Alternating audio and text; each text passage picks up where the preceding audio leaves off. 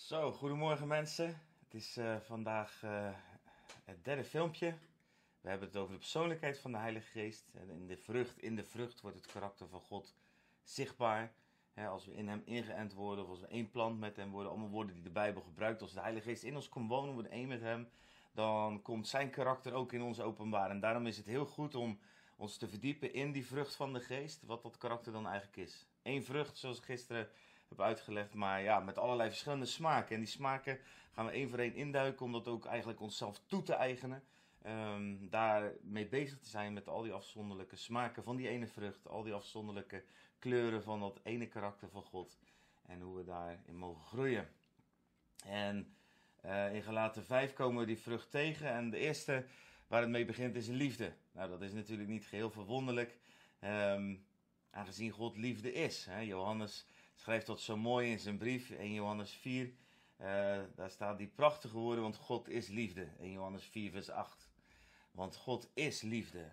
Het is zijn wezen. Hij heeft geen liefde, of hij, uh, maar hij is het gewoon. Dus uh, ook logischerwijs dat die er bovenaan staat. Hè? 1 Korinther 13 zegt ook, alles zal verdwijnen, maar de liefde zal altijd blijven. En uh, de liefde is een essentieel onderdeel. Dus als we gaan bewegen dadelijk in de kracht en in de bedieningen van de Heilige Geest, dan is het zo belangrijk dat we beginnen met die liefde. Paulus zegt dat heel mooi ook in Korinthe. We, zouden niets zijn zonder die liefde. Alles wat we voortbrengen zonder liefde is eigenlijk niet, heeft geen waarde, heeft geen eeuwigheidswaarde. Het is een uh, heftige maar duidelijke constatering. Dus dat zou ons moeten motiveren om die liefde te grijpen en die liefde toe te passen en die liefde eigen te worden in ons leven. Nou, als je kijkt naar gelaten 5, naar die vrucht, naar liefde, dan is dat agape. En ik weet niet of je wel eens onderwijs gehoord hebt over de drie soorten liefde, de drie woorden voor liefde die het Nieuwe Testament gebruikt. Um, wij kennen in onze Nederlandse taal eigenlijk alleen het woord liefde. En dat, is, dat omvat alles wat enigszins nou ja, aardig is, zou je kunnen zeggen. Um, maar in de Griekse taal, en in het Hebreeuws is dat eigenlijk nog veel rijker. Maar in de Griekse taal heb je drie woorden die gebruikt worden voor liefde. Dat zijn eros, filia, agape. En eros, dat is het lichamelijke. Uh, ook de seksualiteit, de, de, de aanraking, intimiteit die fysiek is. Dus direct op het, op het gebied van het lichaam, zeg maar. En een filio, dat is eigenlijk op het niveau van de ziel. Dus dat is een vriendschappelijke, uh, wederzijdse liefde op sociaal vlak, zou je, kunnen, zo zou je het kunnen omschrijven. Alles wat vanuit de ziel komt, hè? De, je, je gevoel, je verlangen, je verstand, je wil. Alles wat zich in de ziel bevindt, emo een emotionele liefde.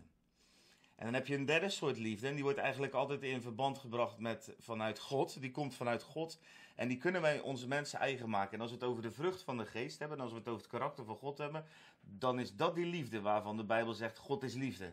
Dat is agape. En dat is zegenende, gevende liefde waar geen enkel eigen belang in zit. Eigenlijk zou je agape-liefde zo kunnen omschrijven dat onafhankelijk van jouw gedrag zal ik jou lief hebben. Zal ik er alles aan doen om jou lief te hebben.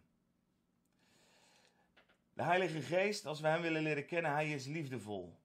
En op het moment dat we gisteren gezegd hebben, ja Heilige Geest, we willen dat u onze allerbeste vriend wordt, dan vindt er een cultuurbotsing plaats. Want de cultuur van de Heilige Geest, de cultuur van de hemel, botst met de cultuur van jou, de cultuur van de aarde. En die twee culturen die botsen eigenlijk op elkaar.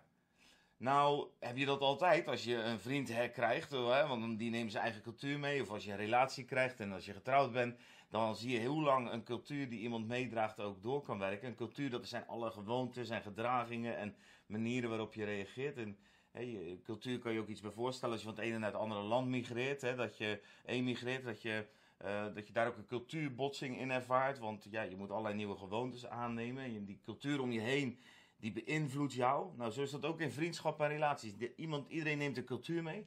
Nou, de Heilige Geest, als die in je leven komt, neemt hij die cultuur mee van liefde.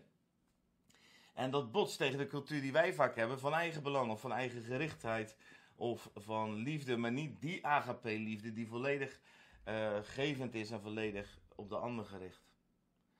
Nou, in het aardse kan je allerlei discussies hebben. Hè, die heb je in de politiek ook onder andere, maar die heb je ook onderling tussen mensen. Wat nou eigenlijk de beste cultuur is. Als we het hebben over de Heilige Geest, dan kunnen we niet discussiëren wie de beste cultuur is. Als de Heilige Geest jouw vriend is geworden, dan neemt hij de beste cultuur mee uh, die je maar kan hebben. En die cultuur, dat is dus iets. Kijk, als je dus als je vriendschap aangaat, dan ga je jezelf eigenlijk spiegelen aan die anderen. Zo werken relaties. En dat is dus ook met de Heilige Geest. De Bijbel schrijft daar ook over in 2 Korinthe 3, vers 17.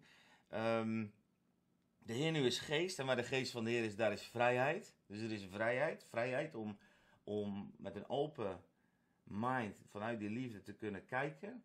En wij allen die met een onbedekt gezicht de heerlijkheid van de Heer als in een spiegel aanschouwen, worden van gedaante veranderd van hetzelfde beeld, van heerlijkheid tot heerlijkheid, zoals dit, van de zoals dit door de geest van de Heer bewerkt wordt. Dus de geest van de Heer die opent eigenlijk de weg van vrijheid om als in een spiegel te kijken. En in die spiegel zien wij dus die cultuur van liefde, de cultuur van de Heilige Geest. En dat gaat ons vormen. Want wij gaan onszelf spiegelen. Dat doen wij mensen nou eenmaal aan elkaar. Maar dus, dat moeten we dus ook gaan doen, juist gaan doen, aan God. En als we onszelf aan God gaan spiegelen, dan zien we dat Hij een volmaakte liefde heeft. Dan moet je wel goed begrijpen dat het definitie van liefde in deze cultuur waarin wij leven eigenlijk natuurlijk een verknipte definitie is van liefde. En ik weet niet wat jij zou omschrijven als wat liefde is. Ehm, maar ik denk dat de Bijbelse omschrijving van liefde zou kunnen zijn dat het alles is wat het goede bewerkt. En dat is iets anders dan alleen maar poesje lief, aardig, ai ai en uh, kijk maar door de vingers, uh, laten we het maar gaan. Hè? Dat, uh, het liberale denken over liefde van iedereen in zijn waarde laten en iedereen mag toch vinden wat hij zelf vindt. Dat is eigenlijk niet de liefde die de Bijbel leert. Hè? Jezus bijvoorbeeld in Johannes 2 sloeg de hele tempel leeg om, daarmee betoonde hij liefde. Maar het was een behoorlijk heftige gebeurtenis, denk ik, als jij met je steentje in die tempel een spulletje stond te verkopen. Dan is maar de vraag of wij dat in onze tijd als liefde zouden definiëren. Maar God is de definitie van liefde. Dus als hij iets doet, dan is dat liefde. En dan moeten wij onze maatstaven over liefde aanpassen aan wat hij doet. En voor hem is liefde datgene wat het goede bewerkt in jouw leven en in de levens van de mensen om je heen.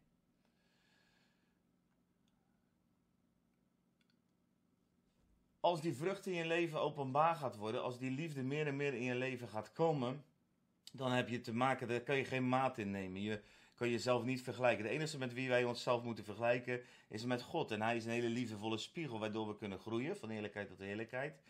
Ehm, maar we kunnen onszelf niet met elkaar vergelijken. Ik heb het het belangrijk is dat ik dat vandaag even erbij zeg omdat um, iedereen heeft zijn eigen weg te gaan. En als jij in een stabiel gezin opgegroeid bent met leuke ouders en uh, gezonde omgeving, ja, dan is het voor jou veel makkelijker om te groeien in de liefde. Als je de Heilige Geest gaat leren kennen. Omdat er al eigenlijk veel meer van God, of je hem nou wel of niet kent, of je ouders hem nou wel of niet kenden. Maar als jij opgegroeid bent in een omgeving waarin er liefde woonde en waarin er genegenheid was en waarin je wel eens geknuffeld werd en vastgehouden en bemoedigd, ja, dan zal je veel sneller ook in de liefde van de Heilige Geest kunnen groeien. Als jij in een hele andere situatie komt, dan zul je allerlei processen door moeten gaan die moeilijk zijn. Je hebt allerlei verwondingen in je ziel en dat kost tijd. Het kost tijd om daarin te genezen. Ook al kan de Heilige Geest daarin echt wonderen doen en dat kan ik in mijn eigen leven ook zeggen. Maar sommige processen hebben heel lang gekost en sommige merkte ik dat God daar zo krachtig in kwam dat direct veranderde. Je moet jezelf dus geen eisen opleggen. Dat kan dus ook niet, want je moet jezelf lief gaan hebben met die liefde van de Heilige Geest. de Heilige Geest legt in die zin geen eisen op je, maar hij moedigt je aan om naar Hem te kijken en met Hem samen te veranderen van heerlijkheid tot heerlijkheid. Telkens als je in die spiegel kijkt, dan zie je jezelf naast het beeld van Hem. En dan zie je hoe Hij de dingen zou doen en zie je hoe jij de dingen doet. En dan mag je daarvan leren. Oh, sorry, ik denk dat dit ook wel hoorbaar is op het filmpje. En, uh, um, ga je niet vergelijken met anderen. Vergelijk jezelf met Hem. En Hij is een spiegel waar ook de liefde uitstroomt om, en de genade om ook te helpen te veranderen. Wat gaan we doen vandaag om die liefde daadwerkelijk ook handen en voeten te geven? Want dat is denk ik belangrijk aan wat we aan het doen zijn met elkaar. Ehm, ik wil je eigenlijk uitdagen vandaag om het volgende te doen. Iedereen heeft misschien, nou bijna iedereen heeft wel mensen in zijn omgeving die het slechtste in jou naar boven halen. Mensen waar je echt moeite mee hebt, waarvan je merkt, die triggeren mij, die roepen irritatie in me op. Die zitten in mijn irritatiezone. Ik zou je willen vragen om straks gewoon heel even, als dit filmpje afgelopen is, je ogen te sluiten en er eentje uit te kiezen die dan in je gedachten komt en die de Heilige Geest aanwijst. En dan wil ik je vragen om vandaag even 10 minuten te nemen om samen met de Heilige Geest naar die persoon te kijken, voor die persoon te bidden en dan minstens 10 regels op te schrijven over hoe God eigenlijk die persoon ziet. Hoe de Heilige Geest die persoon ziet. Dus dan vraag je gewoon Heilige Geest en dan noem je de naam. Ik wil graag uh, vanuit uw ogen willen kijken naar die en die. Dan noem je even die persoon op. En dan ga je het opschrijven, hoe de Heilige Geest eigenlijk ziet. En dan zul je dat zien dat de Heilige Geest kijkt vol liefde naar die persoon. Dus die gaat hele andere dingen spreken en zien. Die gaat waarheid spreken over die persoon die jij nog niet ziet. Stel je daarvoor open voor zijn antwoord, schrijf dat ook op. Bewaar dat in je hart. En als je de moed hebt, zou je het zelfs kunnen delen met die persoon. Als dat het juiste moment is. Ook dat mag je aan de Heilige Geest vragen. Ik ga nu voor jullie bidden, want bij deze opdracht heb je de Heilige Geest heel hard nodig. Dat weet ik ook uit ervaring. Maar juist door deze dingen te doen, pas je toe. En als je dit vaak genoeg toepast, dan wordt dat een methode als het ware. Wordt het een lifestyle.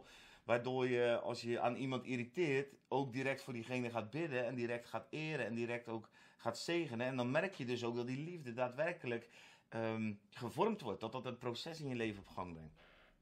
Tenminste, dat is mijn ervaring. Ik denk ook dat het woord dat ons zo lid. Zegen wie u vervloeken enzovoort. Ja, dus dit is de challenge voor vandaag. Degene die God in je gedachten geeft waar je flink aan irriteert. Daar ga je voor bidden. Dan ga je aan de Heilige Geest vragen. Heilige Geest, ik wil positieve dingen over diegene ontvangen. En dan noem je die naam van diegene tegen de Heilige Geest. En dan ga je de gedachten die Gods Geest in je geeft, ga je opschrijven. En als je, als je denkt dat het het goede moment is, ga je dat ook delen. Dan zet je ook de weg nog verder vrij voor de Heilige Geest. Maar dan moet wel het moment daar zijn. En anders is het genezing voor je eigen hart. Dat zal je merken. Ik heb er ooit een blog over geschreven. Die zal ik ook misschien nog even delen uh, in dit filmpje als dat kan straks. Dan moet ik even kijken. Voor mij kan ik er wel iets in plakken. Um, ik ga voor jullie bidden. Want de Heilige Geest heb je hierbij nodig. Lieve Heilige Geest, dank u wel dat we vandaag mogen leren over wat liefde is, Heer. En ook daarin zijn we zo beperkt om even in deze vroege, of eh, op deze vroege morgen, om even de rijkwijde die oneindig is van uw liefde. En Heilige Geest, ik wil bidden voor alle mensen die deze filmpje zien, voor alle mensen die dit filmpje zien, voor alle mensen die deze uitdaging aangaan om vandaag um, met andere ogen naar iemand te kijken die zo in onze irritatiezone zitten. Heilige Geest, ik weet dat het uw hart verheugt als we dit soort dingen doen, want u wilt liefde bewerken in ons binnenste. En, en daarmee ook de weg vrijzetten, ook in deze wereld om uw liefde te laten stromen. En ik zegen jou als je naar dit filmpje kijkt, op dit moment, dat de genade en de kracht van de Heilige Geest over je zou komen. Dat je merkt dat er iets in je hart op dit moment gewoon ja, losgemaakt wordt, omdat de Heilige Geest jou zo nabij is en zo aandringt als die, die vriend die tegen je zegt, kom op, je moet die stap zetten, doe het. En dan wil ik je mee zegenen in de naam van Jezus, de opgestane Heer. En in zijn opstandingskracht kunnen wij ook opstaan in deze liefde, in Jezus' naam. Amen. Heel veel zegen vandaag. En grijp die liefde, leef eruit. Ik hou van jullie. Tot morgen.